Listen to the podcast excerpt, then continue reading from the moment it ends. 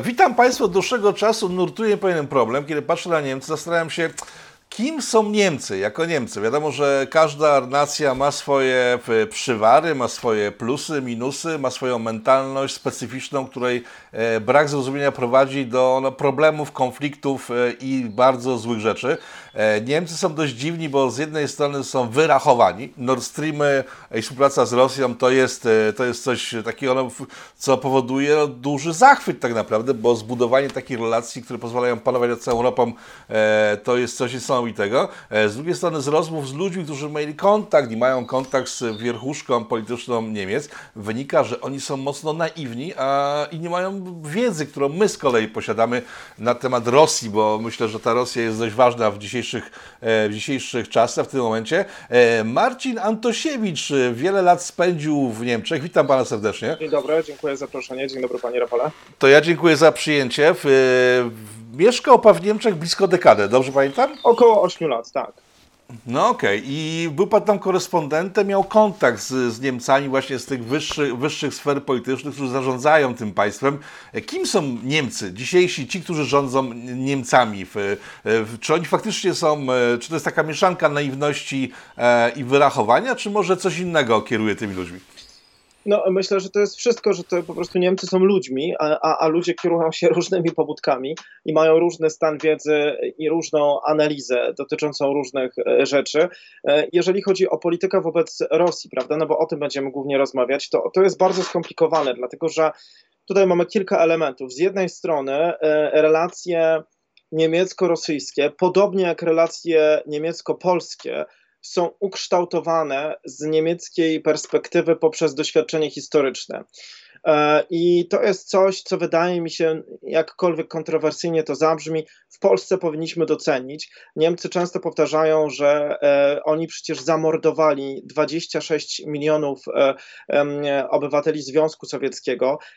Problem jest taki, że oni dzisiaj nie rozróżniają, że w tym także było prawie ponad 8 milionów Ukraińców, e, tylko e, e, patrzą tylko i wyłącznie, że to było 26 milionów Rosjan. No w każdym razie taki jest bilans historyczny, w związku z tym no, chcą mieć odpowiedzialność historyczną, dokładnie tak samo jak wobec Polaków czy innych narodów, których przecież mordowali w czasie II wojny światowej. W związku z tym to jest to doświadczenie historyczne.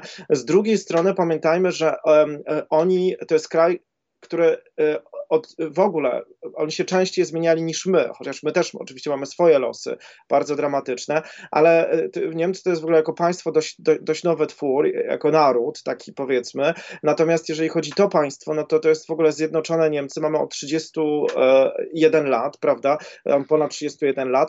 I oni też zawdzięczają to swoje zjednoczenie tak, to jest przedstawiane w świadomości publicznej dzięki też znowu Związkowi Sowieckiemu, dzięki Gorbaczowowi, e, który im to umożliwił i bez większych problemów e, to się udało przeprowadzić, zapominając jakby przede wszystkim o tym, że te nowe Niemcy e, po II wojnie światowej od 1949 roku mogły być możliwe tak naprawdę dzięki ogromnemu wkładowi aliantów zachodnich, przede wszystkim Stanów Zjednoczonych, plan Marszala, etc., ale później to zjednoczenie rzeczywiście no, nastąpiło w sposób pokojowy i e, e, przy współpracy z Rosjanami, z Gorbaczowem, którego oni bardzo hołubią. W związku z tym to jest taki, to jest ten ich background historyczny. No i jeszcze jest trzeci element powiązany z tym pierwszym, że e, no, to jest tak, że po II wojnie światowej oni zrozumieli, że muszą się kompletnie zmienić, e, że e, e, Hitler był produktem czegoś, co już było od dziesięcioleci, to znaczy wyższości niemieckiej, militaryzacji, chęci podbijania innych i dlatego po II wojnie światowej, także ze względu na swoją pracę, ale także ze względu na presję aliantów, także Związku Sowieckiego i aliantów zachodnich, oni się nie militaryzowali. Oni mają armię parlamentarną. To jest, wydaje mi się, jedna albo jedna z niewielu, jedyna albo jedna z niewielu na świecie armia parlamentarna, to znaczy na przykład jeżeli e, e, Bundeswehra chce wydać więcej niż 25 milionów euro na coś, to wcale nie jest tak dużo, jeżeli chodzi o potrzebuje zgody Bundestagu i wszystkie misje wojskowe zewnętrzne, na których oni brali udział, to tutaj Bundestag i to dużą większością musi to akceptować. W związku z tym to jest to ich doświadczenie. I oczywiście jest tak, że tutaj może to wyrachowanie, o którym Pan powiedział, dotyczy na przykład w tej chwili bardzo gorącej kwestii, czyli dostarczania broni, szczególnie broni ciężkiej, do Ukraińców, bo oni mówią, że no właśnie zasłaniają się trochę tym pacyfizmem swoim wojennym, ale z drugiej strony te nowe Niemcy od 1949 roku, mówię przede wszystkim o Niemcach zachodnich, prawda? Oni się stali czwartym eksporterem broni na świecie i od wielu lat eksportują swoją broń do Arabii Saudyjskiej na przykład, która jest zaangażowana od kilku lat w brutalny konflikt e, w Jemenie. W związku z tym tutaj widzimy taki, taką pewną hipokryzję, bo cały czas to jest ta kwestia rosyjska, to znaczy politycy niemieccy, jak się z nimi rozmawia na OFIE, no to oni sobie nie wyobrażali przed 24 lutego, żeby wysyłać gdziekolwiek broń, od, od niemiecką broń, od której by zginął jakiś Rosjanin właśnie przez to doświadczenie historyczne, że jak się już zamordowało 26 milionów, on mówią Rosjan, ale tak jak jeszcze raz mówię, to jest zwią obywatele Związku Sowieckiego, to, to, to, że to jest dla nich nie do pomyślenia. Plus jeszcze dochodzi, że od czasu zmiany w Niemczech mamy na czele rządu Olafa Scholza, e, czyli polityka socjaldemokracji, e, której w ogóle e, politycy mieli jednak inne spojrzenie na Związek Sowiecki, a później na Rosję od innych partii i, i to jest ta słynna Ostpolitik Wilego Branta, chociaż prawda też jest zupełnie taka, że oni ją trochę manipulują, ci współcześni socjaldemokraci, a przede wszystkim robił to Schroeder, dlatego że Willy Brandt oczywiście był za, zbliż, za zmianą poprzez zbliżenie i on prowadził rozmowy, na przykład pojechał i rozmawiał z Breżniewem na Krymie, ale dlatego, i o tym nigdy Brandt nie zapominał, doświadczony bardzo um, prześladowaniami także w czasie II wojny światowej ze strony nazistów, e, że um, on rozmawiał z Sowietami, ale miał też za sobą NATO i był ten element odstraszania. Dzisiaj, e, no dzisiaj szczególnie to właśnie Schroeder i jego otoczenie, pewnie to są różne powody, częściowo korupcja, jak przecież wiemy, to jest, to jest oficjalne. E, w związku z tym oni zapominali o tym drugim elemencie, o odstraszaniu e, i patrzyli na Rosję z perspektywy tego zjednoczenia kraju, co dla nich było naprawdę takim momentem szczęścia. Tylko, że ta Rosja z początku lat 90., a Rosja Putina, no to, to są zupełnie dwa różne systemy, to są dwa różne światy. I u nich tej analizy brakowało. Częściowo dlatego, że byli e, jakby zaślepieni, a częściowo, że właśnie część tych elit była skorumpowana, plus jeszcze chodzi o inny element, chodzi o gospodarkę. To jest e, jedna z największych gospodarek świata, Niemcy, czwarta gospodarka świata. Oni żyją z eksportu. To jest kraj, który żyje z eksportu. I teraz chodzi o konkurencyjność na świecie. E, azjatyckie tygrysy, Chiny, etc. Trzeba być konkurencyjnym. Niemcy są konkurencyjni tak samo jak wiele innych gospodarek europejskich, niektórych są jeszcze konkurencyjne poprzez tanie źródła energii. No i te tanie źródła energii pochodziły z Rosji do tej pory i nadal pochodzą. I to w ogóle Schroederowi, niezależnie teraz od kontaktów jego z Putinem, udało się zrobić w latach 90., że on jako przedstawiciel partii klasy robotniczej SPD potrafił się dogadać z duszymi e, szefami dużych firm, bo on im powiedział: Słuchajcie, no ja wam zapewnię świetne relacje z Rosjanami, doskonałe kontrakty gazowe na ropę, węgiel, etc. I to się stało w ogóle. Czy on to zrobił? To faktycznie. Dlatego duży biznes go bardzo hołubił e, e, Schroedera i on dlatego też wtedy wygrał. Jeden z powodów, bo oczywiście ludzie mieli dosyć kola, etc.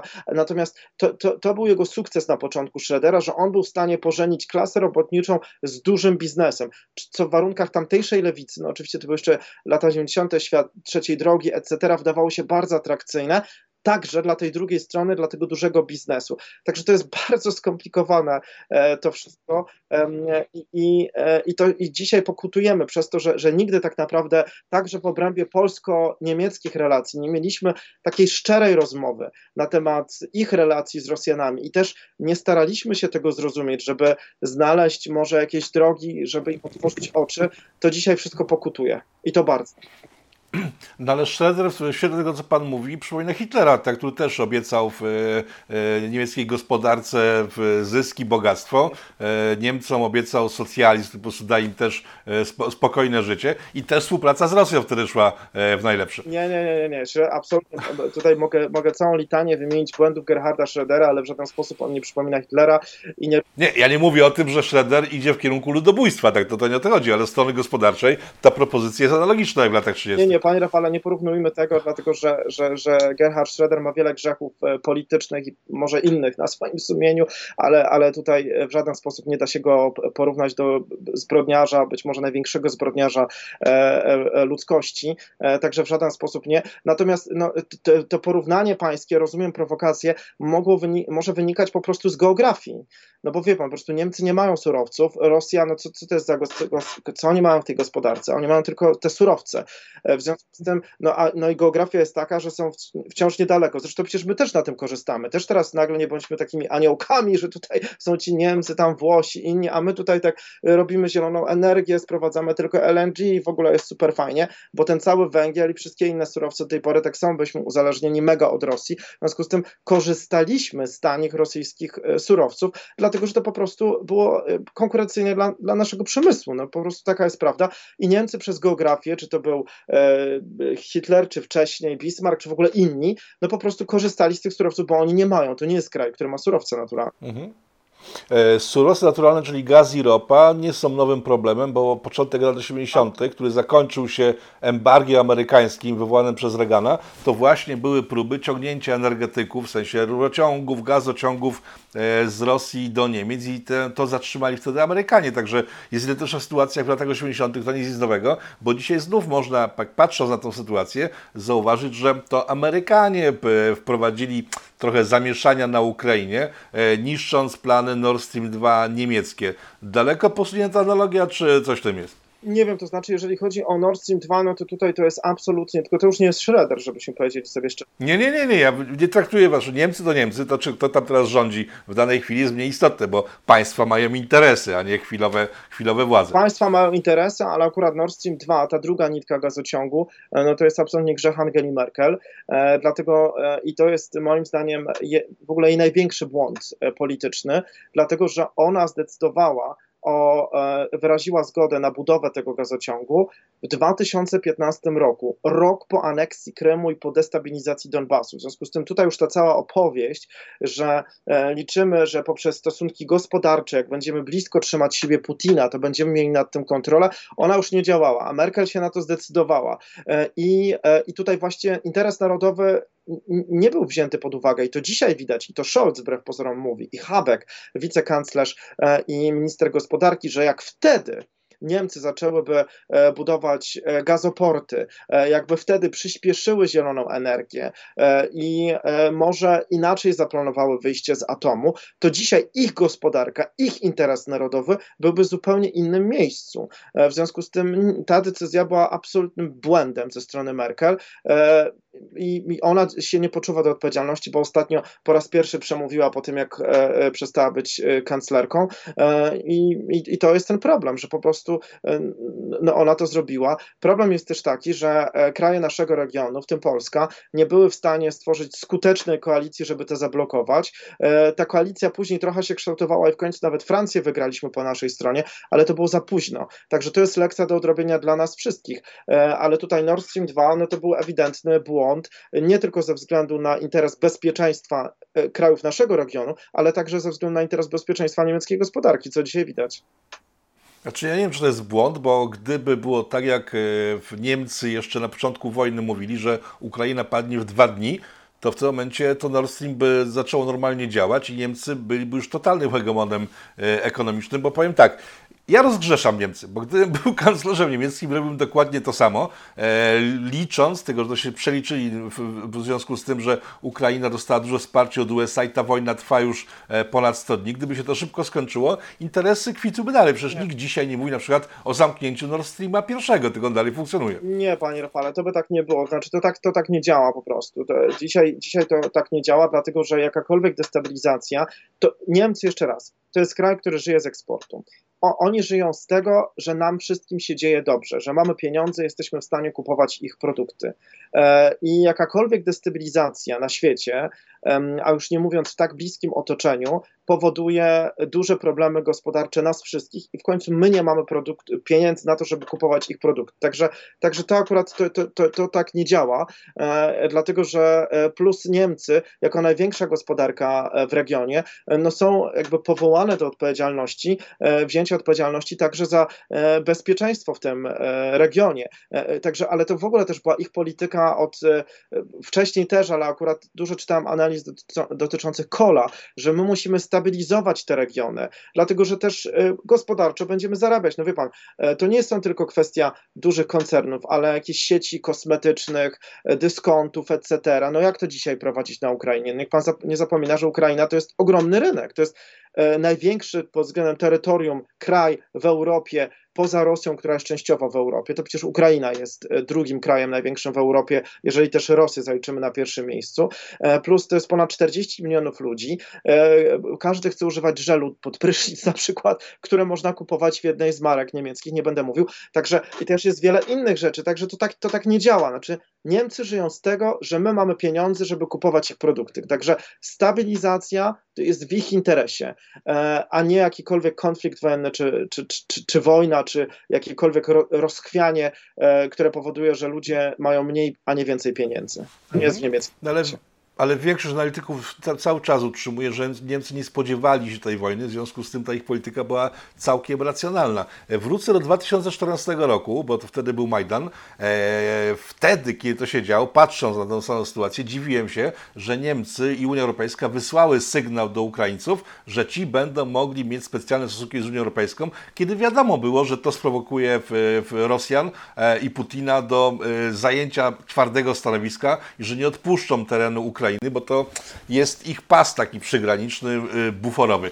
Po co w takim razie, skoro ta wiedza nie była jakąś tajemnicą wielką, nie była wiedzą tajemną, e, za, zaczęto e, podpuszczać Ukraińców, mówiąc im, że możecie wejść e, w struktury unijne w taki albo inny sposób, dajemy wam nasze, nasz, nasz rynek, o ile oddacie swój oczywiście. Nikt ich nie podpuszczał, to, to była ich decyzja.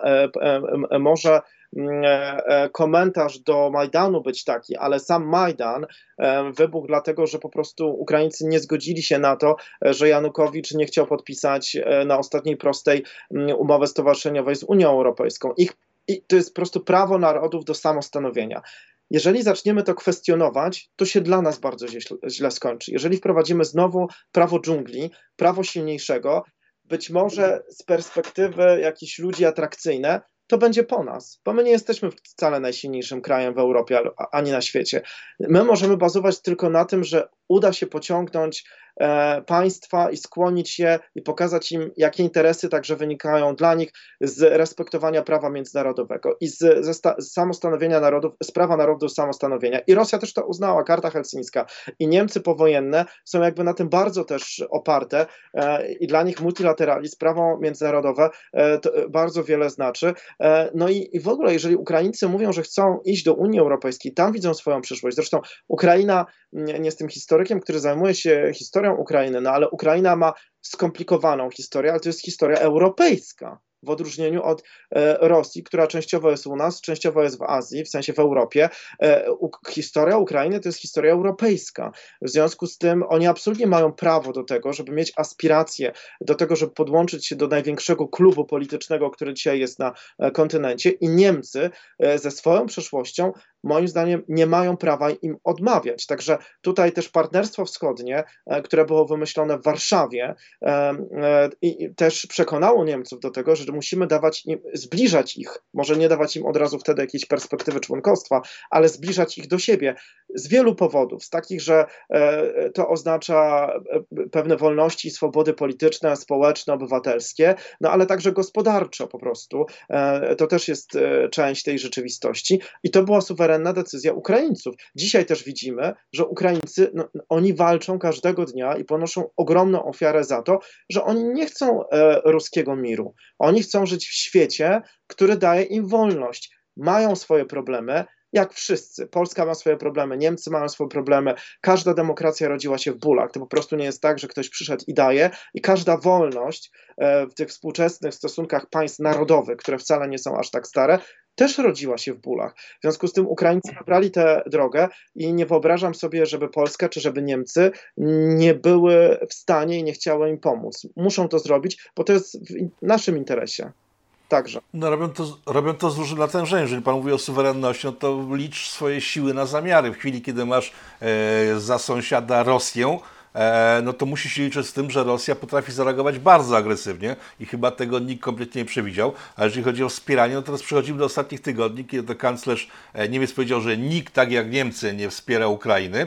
No szybko jego rzeczniczka powiedziała, że e, nikt z Niemców nigdy nie mówi o terminach wsparcia, w związku z tym nie można mieć do, do pretensji, a kiedy się spojrzy na wsparcie Niemiec i innych krajów, no Niemcy nie podają zbyt dobrze. No, te słynne hełmy e, uszkodzone, rakiety zepsute, wysyłane tam, e, Niemcy no, nie wspierają Ukrainy, a przypomnę, że po 2014 roku, kiedy wiadomo że Rosja jest już agresywna, to już nie było domniemania, tylko tak się stało, Niemcy dalej tam eksportowali broń mimo embarga, które sami nałożyli na, na, na Rosję. Nie, nie, to, to, to, to jest nie, e, kilka kwestii. To znaczy Niemcy wspierają Ukrainę. E, oczywiście tutaj e, e, Scholz miał przede wszystkim na myśli wsparcie finansowe, dlatego że oni rzeczywiście e, po 2014 roku, jak się patrzy na pomoc finansową, którą kraje trzecie udzieliły Ukrainie, to są zaraz po Stanach Zjednoczonych. E, to jest prawda. Jeżeli chodzi o broń, no to tutaj wszyscy widzimy, to znaczy oni są kompletnie pogubieni, ale to naprawdę wynika.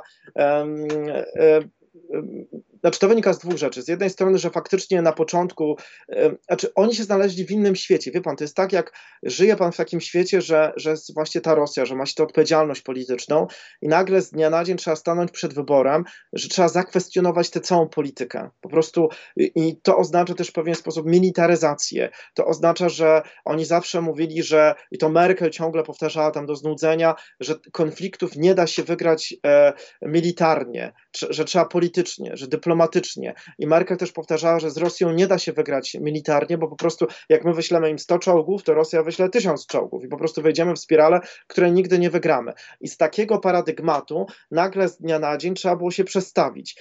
I, i to przestawienie w Niemczech jest, e, i to się dzieje bardzo wolno. Tylko ja chcę powiedzieć jedną rzecz, że znając niemiecką mentalność, to nie jest tak, że oni na przykład w kwestii gospodarczej, pandemii czy tam innych rzeczy, to Niemcy działają z dnia na dzień są super szybcy, a jeżeli chodzi o broń, to to jest tak ślamazarnie i tak dalej w każdej sprawie ten niemiecki walec się tak zachowuje. To pan ma, w każdej, jaką by sobie pan nie wziął sprawę od najmniejszej do największej, żeby po prostu oni za, za się rozpędzili, żeby wiedzieli, czego chcą, żeby przedyskutowali to wszystko, bo to jest jeszcze to, to jest jeszcze kwestia, wie pan, innego systemu politycznego. Tam się większe rzeczy robi w konsensusie, żeby, jest w ogóle taki czasownik, którego nie ma w polskim, żeby mitnehmen, żeby jak najwięcej ludzi wziąć ze sobą, albo też Merkel czy inni politycy używają, żeby e, zrobić takie rozwiązanie, rozwiązanie, z którym wszyscy mogą żyć. To trwa. U nas wychodzi tam, nie wiem, Kaczyński wstaje o 13, 15, o 15 jest w parlamencie, o 24 jest ustawa, gdzie tam y, PiS do końca nie wie, co w niej jest, opozycja krzyczy, wychodzi na ulicę, blokuje blokadę, hej, do przodu. No, można tak robić politykę, albo można robić politykę, że chce się robić to bardzo szeroko i to u nich wynika z doświadczenia historycznego z Republiki Weimarskiej.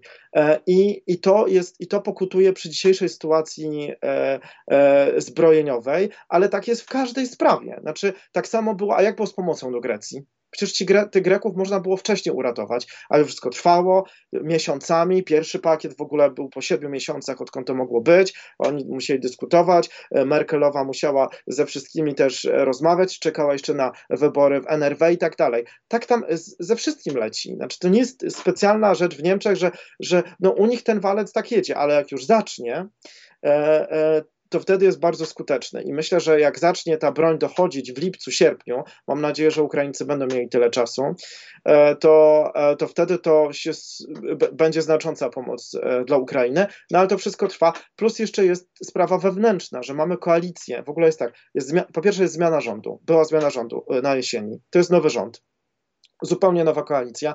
Oni się nie znali. Ze sobą nie rządzili, bo tam jest tak, socjaldemokraci, którzy przypadkiem wygrali te wybory, z Scholzem, którego nie znoszą, większość tej, tej, ta, ta, ta cała e, e, bazis, to się mówi, czyli ludzie w terenie, e, to był jednak faktor Scholza, do tego koalicja e, z zielonymi i z liberałami, to jest ta koalicja świateł drogowych, nigdy takiej nie było na szczeblu e, centralnym, e, każdy ciągnie w swoją stronę i oni się dopiero rozpędzali, a Putin już im po kilku tygodniach zaskoczył wojną, no, no jak teraz to wszystko połączyć, kiedy SPD jest skłócona, bo część ludzi i na ich czele, można powiedzieć, stoi szef frakcji e, Myceniś, który kompletnie nie chce tutaj tylko pacyfista, żadnej broni. Jest kanclerz, który musi moderować tę sytuację w swojej partii, plus w całej koalicji. Są zieloni, którzy są najbardziej, że tak powiem, zbliżeni do naszego poglądu. E, są jeszcze liberałowie. Pan użył tego określenia, że Niemcy e, myśleli, że to się załatwi w dwa dni. Tam chodziło o trzy dni, że to podobno powiedział, ja nie byłem przy tej rozmowie, no ale jak słychać, że to właśnie szef liberałów, e, FDP, minister finansów, czyli partii Genschera, miał powiedzieć do jednego z przedstawicieli rządu ukraińskiego, że dobra, pewnie i tak upadniecie w 72 godziny, to na razie nie będziemy wam wysyłać żadnej broni. Tylko trzeba powiedzieć prawda też jest taka, e, on to powiedział, bo nie ma doświadczenia dyplomatycznego. Panie Rafale, ale to była pozycja wielu rządów. Niech pan zobaczy, kiedy rządy zaczęły wysyłać broń, dlatego że była obawa, że ci Ukraińcy nie będą walczyć, bo tak było w 2014 roku de facto.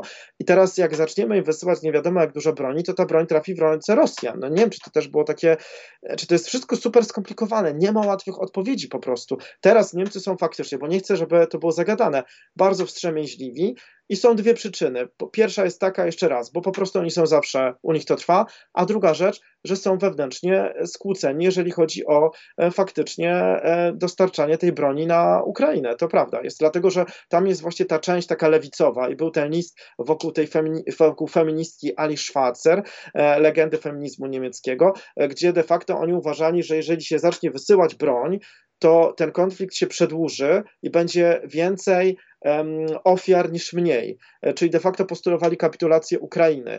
E, I to jest też część e, realiów po prostu. Znaczy, oni uważają, i to jest właśnie te, akurat na Zachodzie ten pacyfizm, że broń zabija, jakby oni nie uważają, że broń też może chronić ludzkie życie, że to nie broń zabija, tylko ludzie zabijają, a, a broń może też być wysyłana po to, żeby, żeby chronić ludzi to jest ta dyskusja, której oni nigdy na poważnie nie odbyli w nowych realiach, bo też do tej pory nikt, także przecież Polska, no też tutaj nie bądźmy hipokrytami, nie oczekiwaliśmy, że Niemcy zaczną się mega zbroić, być potęgą militarną, mieć wszystkie czołgi świata i w ogóle tutaj wysyłać w 24 godziny całą swoją broń tam, gdzie tylko chcą. Nie, nie uważaliśmy po naszych doświadczeniach historycznych, że to będzie dobre. No i teraz mamy tego wszystkiego efekt.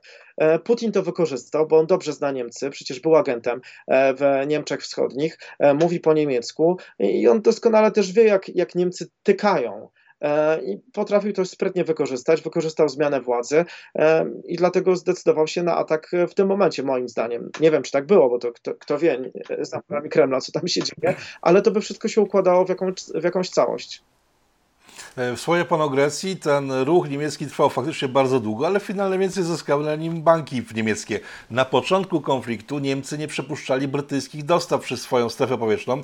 Te, te, te samoloty musiały latać naokoło i tak dalej, i tak dalej, i tak dalej. E, przejdźmy do kanclerza, bo to jest ciekawa sytuacja. E, od kilku miesięcy tak naprawdę słychać pomruki z Niemiec, do Polski one chyba nie dochodzą kompletnie, nie zauważyłem przynajmniej, że kanclerz ma bardzo słabą pozycję i w każdej chwili może zostać zmieniony. Jak sytuacja sytuacja ta wygląda? Czy to jest bliżej zmiany, czy może on się utwardza na swoim stanowisku e, z każdym dniem? Nie, nie, nie, nie, nie. Znaczy kanclerz na pewno nie zostanie zmieniony, dlatego że to jest po prostu e, w systemie politycznym, to jest, to jest system kanclerski. Tam kanclerz ma bardzo silną pozycję.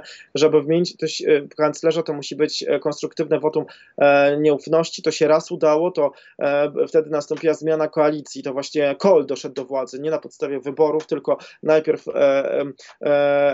liberałowie zdradzili sprowadzili socjaldemokratów, przeszli na stronę Hadeków w 1982 roku i wtedy właśnie było konstruktywne wotum nieufności i wybrali Kola, a mm, Schmidt został zdeklasowany, bo wtedy Helmut Schmidt był kanclerzem z ramienia SPD, stał na czele koalicji SPD-liberałowie, liberałowie odeszli od nich i wtedy Kohl z Hadecji został wybrany przy wsparciu FDP kanclerzem. Ale to się na pewno nie wydarzy. Natomiast ma pan absolutnie rację, że kanclerz jest słaby. To jest prawda. E, kanclerz ma bardzo słabą pozycję w swojej partii, e, dlatego że on w ogóle startował e, półtora roku temu były wybory na szefa SPD i on je przegrał. On nie jest lubiany w swojej partii, dlatego że jest uważany za kogoś, kto nie jest wystarczająco radykalnie lewicowy, że koncentruje się na centrum, że dogaduje się także z biznesem, znaczy bierze ich interesy pod uwagę, zresztą też miał swoje problemy z tego e, powodu, e, i znaczy, ale nie takie jak Schroeder, żeby tutaj było jasne, e, no i że jest takim politykiem centrum, a młodzież espedowska plus ta stara gwardia, to jest akurat ciekawe połączenie, czyli taki Bernie Sanders skrzyżowany nie wiem, tutaj z Zandbergiem na przykład, tylko Zandberg już na ich warunki też jest stary, bo oni mają tam po 20 parę lat, to, to oni są bardzo tacy radykalnie lewicowi e, i e, oni mają problem z tym e, Scholzem, także on w swojej partii, no on też, w ogóle ta partia jest bardzo podzielona, to jest naprawdę cudem oni wygrali te wybory, dlatego że Hadecja wystawiła bardzo słabego kandydata na kanclerza. I szefem po raz właśnie od tych ostatnich wyborów w SPD, od półtora roku, on nie ma jednego szefa, tylko jest tak jak u Zielonych, jest e, dwóch e, współprzewodniczących. E, to jest Saskia Esken i Lars Klingbeil teraz. No i Scholz nie jest szefem partii, tylko jest kanclerzem, w związku z tym on nie panuje nad partią. Jeszcze jest ten szef frakcji, o których mówiłem, Mycenyś, który też jest bardzo taki lewicowy i pacyfistyczny. W związku z tym on ma bardzo słabą pozycję w partii i w partii jest słaby. Ale to nie znaczy, że ktoś go wymieni, bo nie ma nikogo innego, kto był w stanie go wymienić, plus e, musiałyby e, ta dwójka pozostałych koalicjantów musiałaby się na niego zgodzić a dla tej dwójki pozostałych koalicjantów Scholz jest akurat odpowiednią osobą, dla, dlatego że liberałowie nie wyobrażają sobie, żeby być w koalicji z, no nie wiem, z panem Mucenisiem, e, czy z e, Saskią Esken, e, czy z jakimiś w ogóle tymi, tam jest taki szef organizacji młodzieżowej, były, bo to się zmienia, jak już wchodzi do parlamentu, to musiał zrezygnować z tego stanowiska, Kevin Kynard, który jest super lewicowy, no to w ogóle dla liberałów to jest w ogóle nie do przyjęcia. E, także liberałom, e, liberałowie na pewno nie, nie, zagłosują za zmianą kanclerza, no i zieloni też nie, e, dlatego że ta czołówka zielonych w tej chwili, oni się w ogóle bardzo zmienili. To jest partia hipisów, taki ruch pacyfistyczny właśnie, który teraz jako pierwszy mówił, że musimy wysyłać ciężką broń do Ukrainy, żeby pomóc im po prostu bronić się przed Putinem. I oni stają się, to się mówi po niemiecku bürgerlich, tacy nie ma dobrego tłumaczenia tak naprawdę na polski, że oni się stali e, tacy burżuazyjno, um, obywatelscy, mieszczańscy, o, mieszczańscy po prostu już się stali. E, o nich też się mówi, że to są tacy e, e, nowi czarni, e, czyli nowi konserwatyści. W związku z tym, no, oni tylko sobie Scholzem potrafią to wyobrazić, a nie z jakimś tam e, Kynertem, który tam prawie komunizm prowadził. Także to, to na pewno nie. Także kanclerz jest słaby w ramach swojej partii, ale w ramach koalicji jest jedyną, jest jedyną osobą, która może pełnić skutecznie rolę spinacza. I to, go, to, jest, jego, to, jest, jego, to jest jego moc e, w, w tym wszystkim. Zabawne w tym wszystkim jest, że kiedy rozmawia się z politykami rządowymi w Polsce, to oni mówią, że zieloni to są najwięksi sprzymierzeńcy Polscy w tym momencie, tak. e, jeżeli chodzi o sprawę ukraińską. E, jednocześnie zieloni doprowadzili Niemcy do takiego dualizmu intelektualnego moim zdaniem, bo tak, z jednej strony ja w pełni rozumiem, tak jak mówię na początku programu, że Niemcy chcą być hegemonem energetycznym w Europie, tak?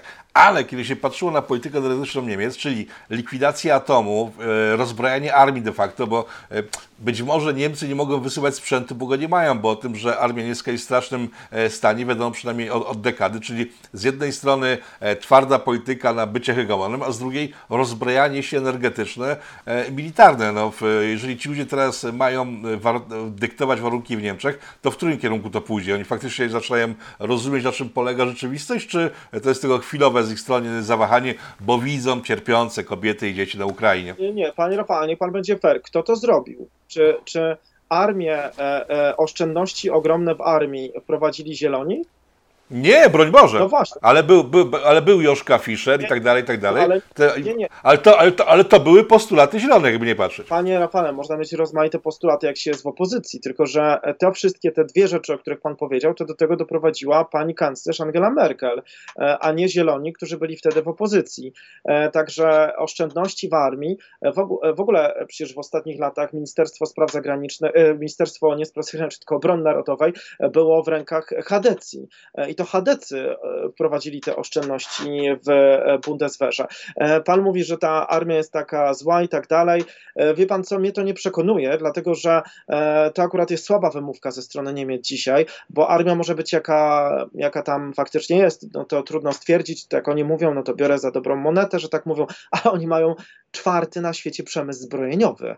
Także jakby się chcieli wysyłać teraz więcej i robić to szybko, mają te zasoby. To nie musi być z magazynów Bundeswehry, tylko to Rheinmetall i inne firmy mogą dostarczyć. Także to nie jest żadna wymówka, bo przecież jak się spojrzy na dostawy broni z innych krajów, no akurat w Polsce to jest problem, bo tutaj rząd właściwie to my żyjemy, w- ogóle nie ma dostępu do informacji. To też jest problem. Tutaj my narzekamy na innych, a tutaj też nie wiadomo skąd to się wszystko bierze. Ale jak się patrzy ze Stanów Zjednoczonych, e, z Wielkiej Brytanii, to też to jest, kupują od przemysłów rządy. To Niemcy to, zresztą Niemcy też teraz będą robili dokładnie to samo. W związku z tym to jest żadna wymówka. E, słaba wymówka ze strony niemieckiego rządu. E, kolejna rzecz, atom. E, no atom to też jest Merkel po Fukushimie. Tutaj rzeczywiście, oczywiście zieloni powstali w latach 80. i później Czarnobyl. My powinniśmy rozumieć tę historię. Dlaczego e, oni byli bardzo przeciwko atomowi, i, ale w międzyczasie ta czołówka dzisiejsza, czyli tych e, czarnych zielonych, jak się o nich mówi, czyli e, wicekanclerz i minister gospodarki Robert Habeck i szefowa MSZ-u Annalena Baerbock, to są politycy nowego pokolenia, chociaż też nie jacyś tacy młodzi, bo Habeck tam nie wiem, ma z 53 czy 4 lata, młody, ale już też nie, nie, nie taki młody, Baerbock ma 40 em, i e, oni już sami nie mówią tego wprost, bo nie chcą em, prowokować tych starych hipisów, ale wiedzą, że ta decyzja o tyle była błędna, że oczywiście są za wyjściem z atomu, tylko najpierw, e, przede wszystkim jeżeli chodzi o cele klimatyczne, to trzeba było wychodzić z węgla, dlatego że węgiel jest największym problemem, jeżeli chodzi o emisję CO2, a nie atom, który w ogóle nie ma żadnej emisji CO2, tylko z nim jest inny problem. To z jednej strony jest problem bezpieczeństwa, ale to są śmieci atomowe, z którymi nie wiadomo co zrobić. E, I ten problem nikt na razie go nie rozwiązał. Także to też są takie opowieści. Niech ktoś mi powie, co zrobimy. Chyba chcemy, żeby jeszcze, nie wiem, dzieci nasze, wnuki, wnuki ich, naszych wnuków mia- miały jakoś dostęp do tej planety. Także tego nikt nie, nie, nie rozwiązał. E, Natomiast e, chodzi o tempo. E, I tutaj Merkel narzuciła to tempo, i nie zieloni, także tutaj to jest jej błąd, a nie, a nie zielonych. Oni może by zrobili ten sam błąd, ale wtedy akurat byli w opozycji. Także decyzja była po stronie rządu kanclerz Angeli Merkel w tej sprawie. Znaczy ja się w pełni zgadzam, tak, tylko to pokazuje właśnie mentalność trochę Niemiec, które chyba przestały trzymać się rzeczywistości, zaczęły bujać w obłokach i robić kroki, które no, są dyskusyjne mocno, bo jeżeli spojrzymy na właśnie politykę energetyczną, na te słynne kamienie milowe, które Polska w tej chwili nawet podpisała, to wycofywanie się Europy e, z ropy, z benzyny, z węgla i tak dalej, i tak dalej, w chwili, kiedy cała reszta świata e, dalej z tego będzie korzystać, no jest tak, Ale nie- powiem tak, Ale właśnie nie, panie Rafale, no Chińczycy chcą być e, neutralni klimatycznie do 2060 roku. Niech pan zobaczy, gdzie dzisiaj jest najwięcej produkowanych aut elektrycznych. E, Nie wiem, czy pan był w Chinach, ale niech pan tam e, pojedzie i zobaczy i, i, i patrzy na ich politykę. Nie, nie, nie, nie, nie, właśnie to tak nie wygląda. To, to, Ale to jest 60 rok, a nie Ale 30, to jest- który, który, któryś rok. a my w Europie 50. Komisja Europejska, ten Green Deal i Fit for 55 to jest do 50 roku. Chińczycy e, do 60, być może szybciej to zrobią, bo oni widzą dla siebie korzyści z tego. Także nie, nie, nie. Poza tym niech pan zobaczy, jeżeli chodzi o uzależnienie energetyczne, przecież jeżeli byśmy dzisiaj mieli w innym e, stanie energetykę odnawialną, przepraszam, to nikt nie mówi o 100%, ale jakbyśmy mieli dużo więcej energii ze słońca, z wiatru i tak dalej, to byśmy byli w innym miejscu po prostu. Nie płacilibyśmy dzisiaj takich rachunków i nie bylibyśmy tak uzależnieni od Rosji. Znaczy, dzisiaj technologie dają nam możliwości. Nie podchodźmy do tego ideologicznie, bo to był problem z zielonymi. Oni. Ta nowa elita próbuje się z tego wycofać, ale jest już trudno po 40 latach. Nie podchodźmy do tego problemu ideologicznie. technologie dzisiaj nam dają ogromne możliwości i z nich korzystajmy. Znaczy, teraz to nie jest kwestia, jeżeli się uda, no, y, y, ja akurat też się trochę zajmuję Chinami i, patrzę też, jak, jak oni są rozbudowani w ogóle w Azji, no jeżeli za chwilę będzie e, fotowoltaika w szybach, no to kto z tego nie zrobi? No to przecież to będzie super. I technologia z miesiąca na miesiąc tak się zmienia, że faktycznie e, ludzie, którzy się tym zajmują, ja nie mam o tym zielonego pojęcia, ale ludzie, którzy się tym zajmują, e, e, są w stanie robić takie rzeczy technologiczne, że uda nam się mieć naprawdę energię z rzeczy, o których nam się jeszcze wcześniej nie śniło. To nie musimy wcale wydobywać tego węgla, a, a, ani mieć tutaj ropy i gaz. Chodzi o tempo, żeby to było dobrze zaplanowane. To się zgadzam, ale trzeba to zrobić. E, e, Niemcy tego nie zrobili w takim e, sposób. To jest ten ich problem ale, ale kierunek chyba jest jasny I, i Bogu dziękować mamy coraz lepsze te technologie, które nam to pozwalają zrobić i ci Chińczycy na tym korzystają. Niech pan zobaczy,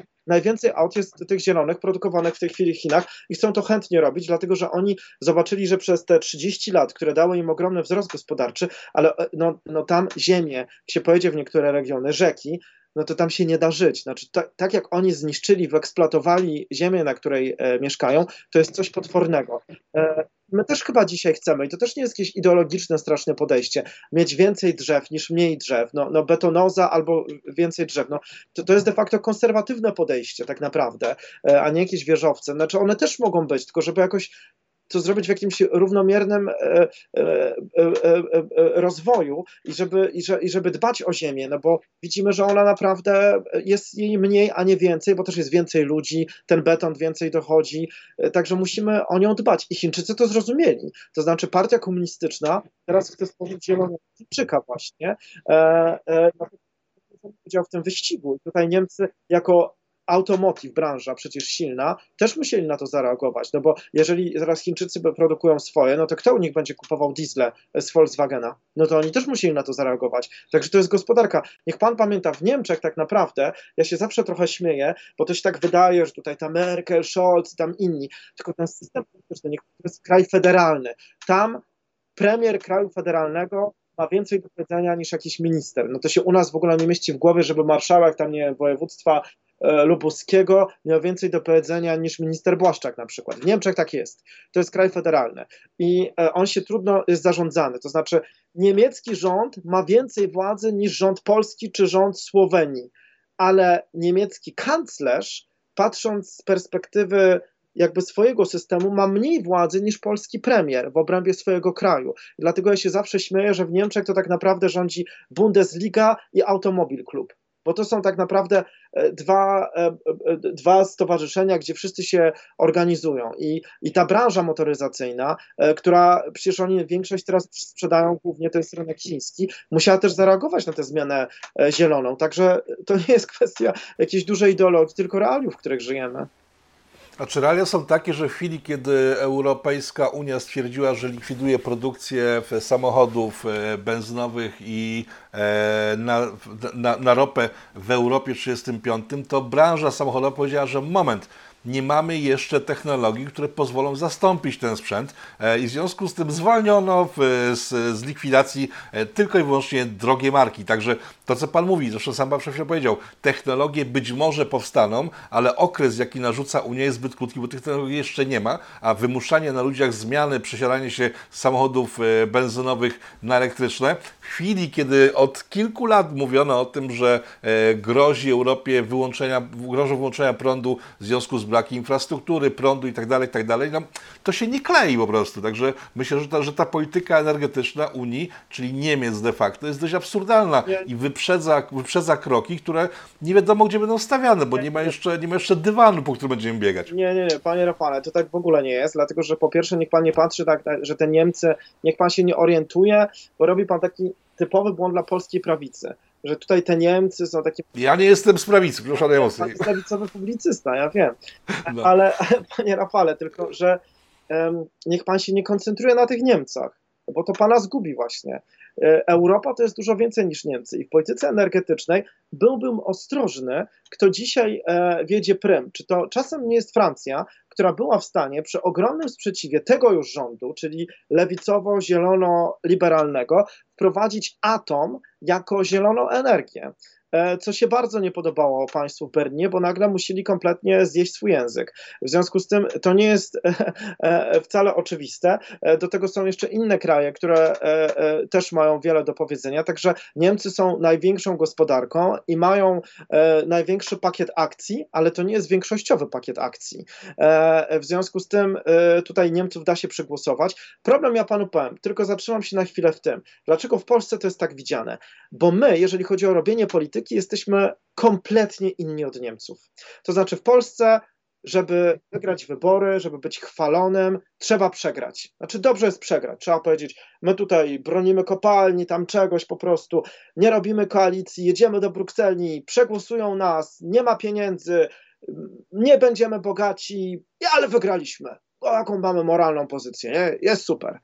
W Niemczech to jakby jakikolwiek kanclerz, minister coś takiego zrobił, to już by go nie było, bo tam trzeba zawsze wygrać, a nie przegrać. Politykom się płaci za to, że oni mają wygrywać, a nie przegrywać, wyrażać emocje. Jak ktoś chce wyrazić emocje, to idzie tam, nie wiem, na e, Instagrama do pani Rozenek, czy tam do kogoś innego po prostu, to wtedy ma emocje, takie albo inne. Polsce politycy są od emocji. Czy to jest e, u państwa z PiSu, u państwa z Konfederacji, u państwa z PO, z Lewicy, czy tam u Hołowni, czy ktokolwiek inny. Oni mają, oni, ja mam zobaczyć, otworzyć dziennik w Polsce i ja mam tak, albo zachwycić się, albo się wkurzyć, albo nie Oni po prostu nastarczają emocji. No bo tamte państwa mają interesy, o czym mówią zawsze, że interesy mają przede wszystkim i mają wizję, wizję przyszłości. To ja się w pełni zgadzam, że w Polsce nie ma polityki, bo ja bym bardzo chciał mieć Merkel, e, takie, znaczy nie Merkel bezpośrednio jako Merkel, tylko takiego kanclerza niemieckiego w Polsce, który twardo zarządza interesami i na przykład nie wysyła na Ukrainę czołgów tylko dlatego, że mu się wydaje, że Niemcy oddadzą swoje. No nie oddadzą swoich, bo do tego trzeba poważnych rozmów, a nie działania emocjonalnego. Oddadzą tylko nie, tylko, e, e, tylko e, na przykład te szczyty unijne. Powiem panu, jak to wygląda. Że Niemcy, na przykład tak, niech pan zobaczy, w Polsce, zaraz będzie szczyt unijny, w Polsce, i to nieważne, czy tam jest Tusk, czy tam jest Buzek, jak oni się tam wszyscy nazywają, Morawiecki, Szydło, czy ktoś, to w ogóle nie jest ważne. My w Polsce nie wiemy, z czym oni jadą. Po prostu to jest tajemnica. Wie pan, oni, nie, oni, znaczy czasem jest tam, że tylko mówią, że na to się nie zgodzimy, tego nie będzie. Ale jak to mają zrobić? Gdzie jest ta koalicja? Po co i co? My tego nie wiemy, po prostu jak to wygląda. W Niemczech około 3-4 dni rzecznicy prasowi wypuszczają do wszystkich możliwych mediów i ludzi, którzy obserwują scenę polityczną, pozycję wyjściową niemieckiego rządu. I to się dzieje zazwyczaj, szczyty są czwartek, piątek, to się dzieje w okolicach niedzieli, poniedziałku. Te media, które dostają te informacje, no wszyscy chcą dostawać informacje, e, e, bez źródeł, niech pan często zobaczy, że ze źródeł zbliżonych do rządowych albo z kręgów tam jakichś, donoszą o tym. I to się dzieje w okolicach poniedziałku, na przykład wtorku.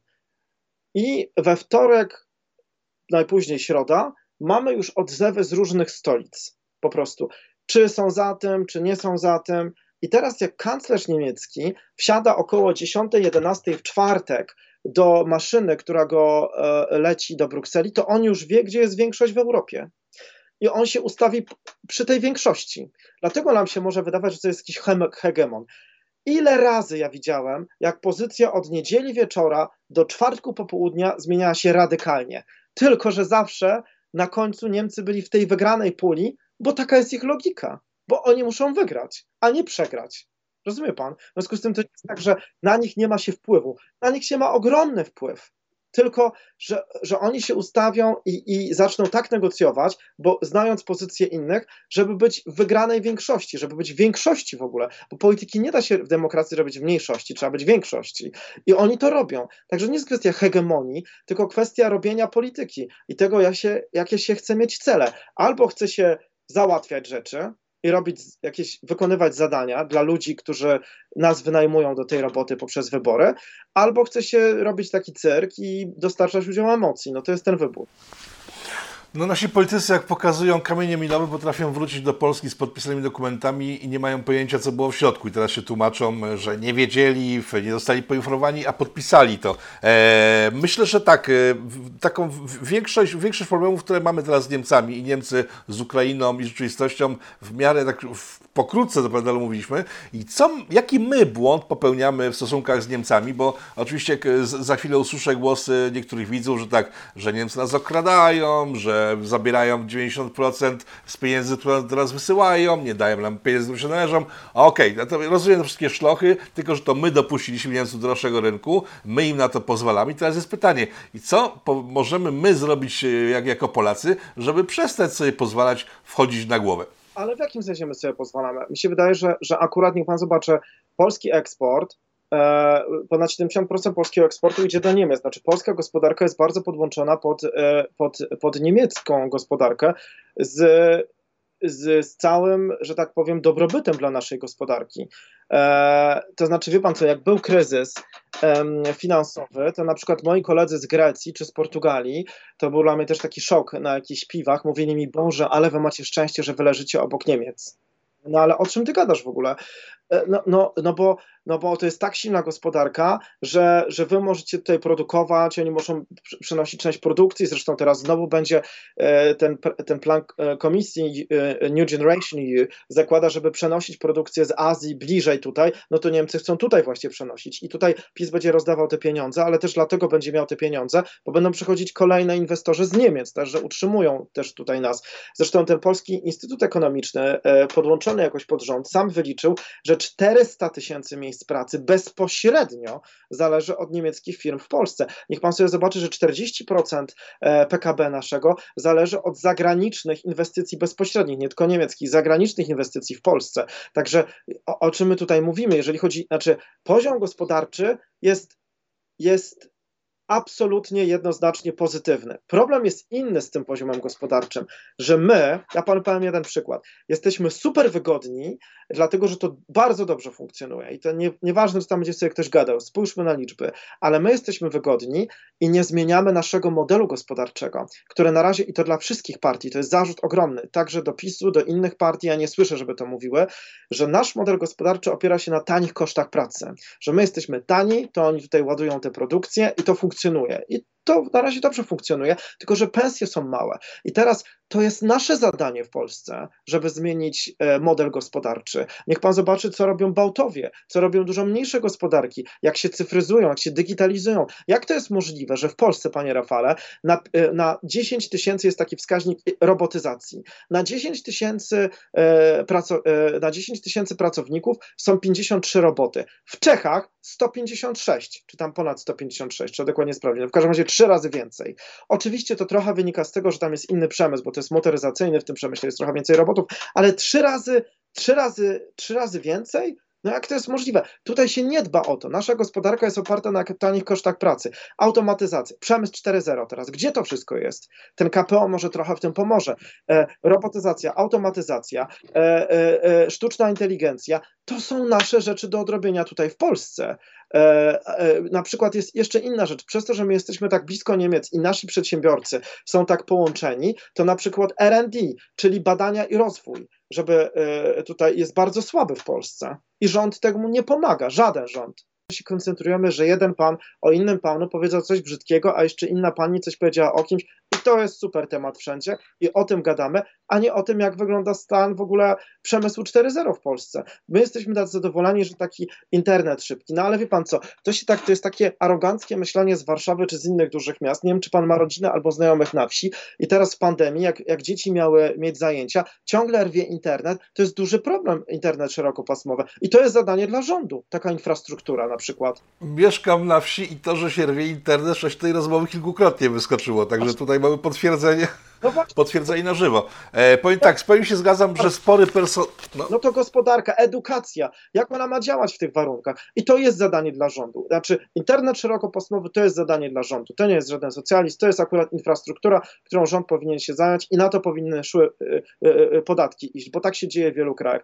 A tego nie ma cały czas. To co my będziemy Niemcy? My musimy zrobić. Ale Niemcy, chcę tylko powiedzieć, bo ja teraz nie, bo ja tak tutaj chcę powiedzieć, bo mnie bardziej interesuje Polska niż Niemcy, dlatego się orientuję na zadaniach dla nas, ale Niemcy robią też bardzo wiele błędów e, wobec Polski. E, dużym błędem w tej polityce wobec Rosji, ale w ogóle jest to, co mnie na przykład zawsze wyprowadza z równowagi, po tylu latach już, że na przykład oni w ogóle naszej oceny sytuacji politycznej, szczególnie w tej części świata, nie biorą poważnie jako realnej polityki, tylko oni to redukują do obaw. I te obawy biorą poważnie. Że to są ängste, zoaga, że to są nasze obawy i e, strachy, lęki jakieś, nie? I oni ten lęk biorą powa- częściowo biorą poważnie. Tylko, tylko, że to nie jest tylko lęk, tylko to jest także analiza polityczna. I tego już nie robią. I to jest ich problem. Druga rzecz jest taka, że tak naprawdę nie zajmują się specjalnie nami. Znaczy, to jest też oczywiście, że my musimy opowiedzieć swoją historię, to jest znowu zadanie dla nas. Już nie mówię o tych Ukraińcach, bo wie pan co, pa, tak naprawdę, panie Rafale, jaką ostatnio pan czytał książkę ukraińskiego autora, niech pan powie? Powiem tak, od y, dwóch miesięcy jestem zalewany informacją o kulturze ukraińskiej na dwójce radiowej. Tam po prostu włączono wszelką inną muzykę, non-stop jest sformowana i to jest arcyciekawe, muzyka poważna, rozrywkowa, e, nie wiem, jakaś w, w, lokalna i tak dalej, i tak dalej. E, także dużą, za, duży zastrzyk dostaję z, z, z, z dwójki. Czytał ukraińskiego autora jakiegoś? Szczerze mówiąc, nigdy. Panie Rafale, ja też panu powiem, że teraz sobie przeczytałem, też wcześniej nie czytałem. No to co dopiero ci Niemcy? Znaczy, wie pan co, no po prostu ci Ukraińcy nie opowiadali też o sobie w tych ostatnich 30 latach. Po prostu oni ich nie znają. Oni gdzieś tam są daleko, to są tacy mali Rosjanie, większość tak sobie myśli, albo na przykład jest taki aktor Lance Edinger, to jest aktor no tak młodego pokolenia, powiedzmy naszego, bo on ma 46 lat pokolenia, bardzo popularny.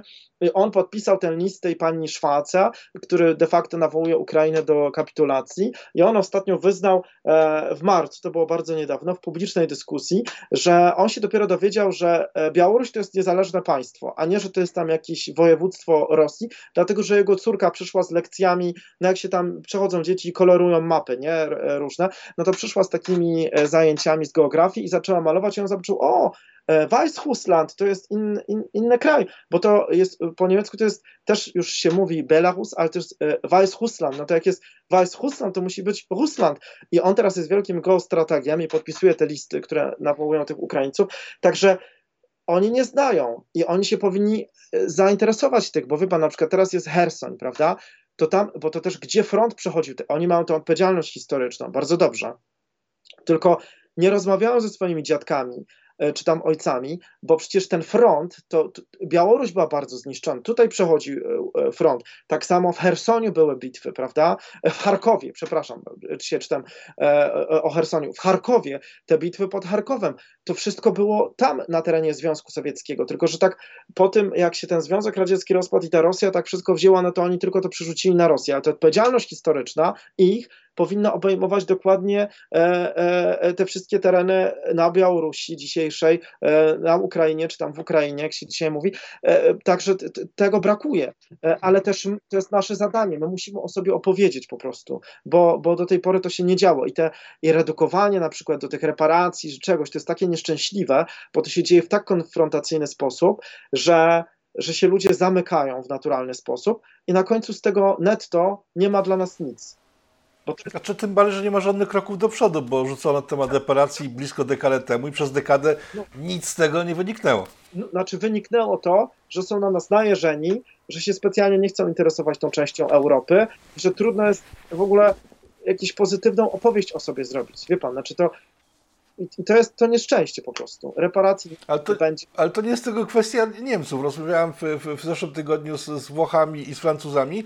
Oni nie chcą przyjeżdżać do Polski, twierdzą, że u nas trwa wojna, tak? Bo tam w mediach przedstawione jest to w taki sposób, że wojna jest na wschodzie, czyli gdzie? No w Polsce. W związku z tym nie zamierzają się ruszać, bo się boją o swoje życie. Myślę, że Polska ma straszne kłopoty komunikacyjne. Odpalenie jednej stacji e, anglojęzycznej niewiele, nie, niewiele daje, bo to, to jest kwestia. No tak, no jakiej stacji anglojęzycznej? Przecież jak chce się robić polską Russia Today, no to wie pan co, znaczy, czy tam coś innego, no nie wiem, w każdym razie, no jeżeli nasz premier mówi, że Ukraińcy też walczą o naszą suwerenność, no wie pan co, no nie walczą o, na, jeżeli już to walczą o nasze bezpieczeństwo, no teraz jak taki Włoch, no po prostu dziennikarz sobie bierze i tłumaczy polskiego premiera i on mówi suwerenność, no to znaczy, że u nas też jest ta wojna po prostu, no to, to trzeba się inaczej komunikować, bo akurat z tym też miałem taki przypadek, mo, może nie z Włoch, ale koleżanka z Belgii się mnie pyta, czy u nas już jest ta wojna, bo ona tłumaczy Morawieckiego, tam mówi o tej suwerenności, to czy on się pomylił, no problem jest taki, że on nie przykłada wagi do słów w ogóle, nie, że to w ogóle słowa nie mają znaczenia, e, no ale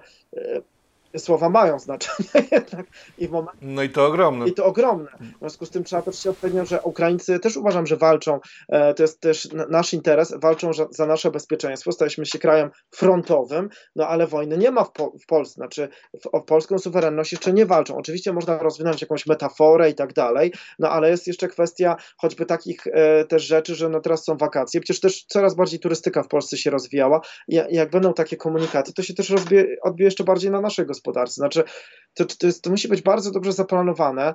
E, Ci ludzie wychodzą, albo też rzecznik rządu bardzo często mówi o Łukaszence. Niech pan zwróci uwagę, prezydent Łukaszenka. No jak już nikt nie uznawał tych wyborów, no to on cho- wychodził i mówił prezydent Łukaszenka. To chyba był jedynym w całej Unii, bo tam jednak jak ktoś wychodzi, to ja, ja tylko mam doświadczenie z Wielkiej Brytanii i, i z Niemiec, to ci rzecznicy mają wycezelowane każde słowo, bo nad każdym się dyskutuje.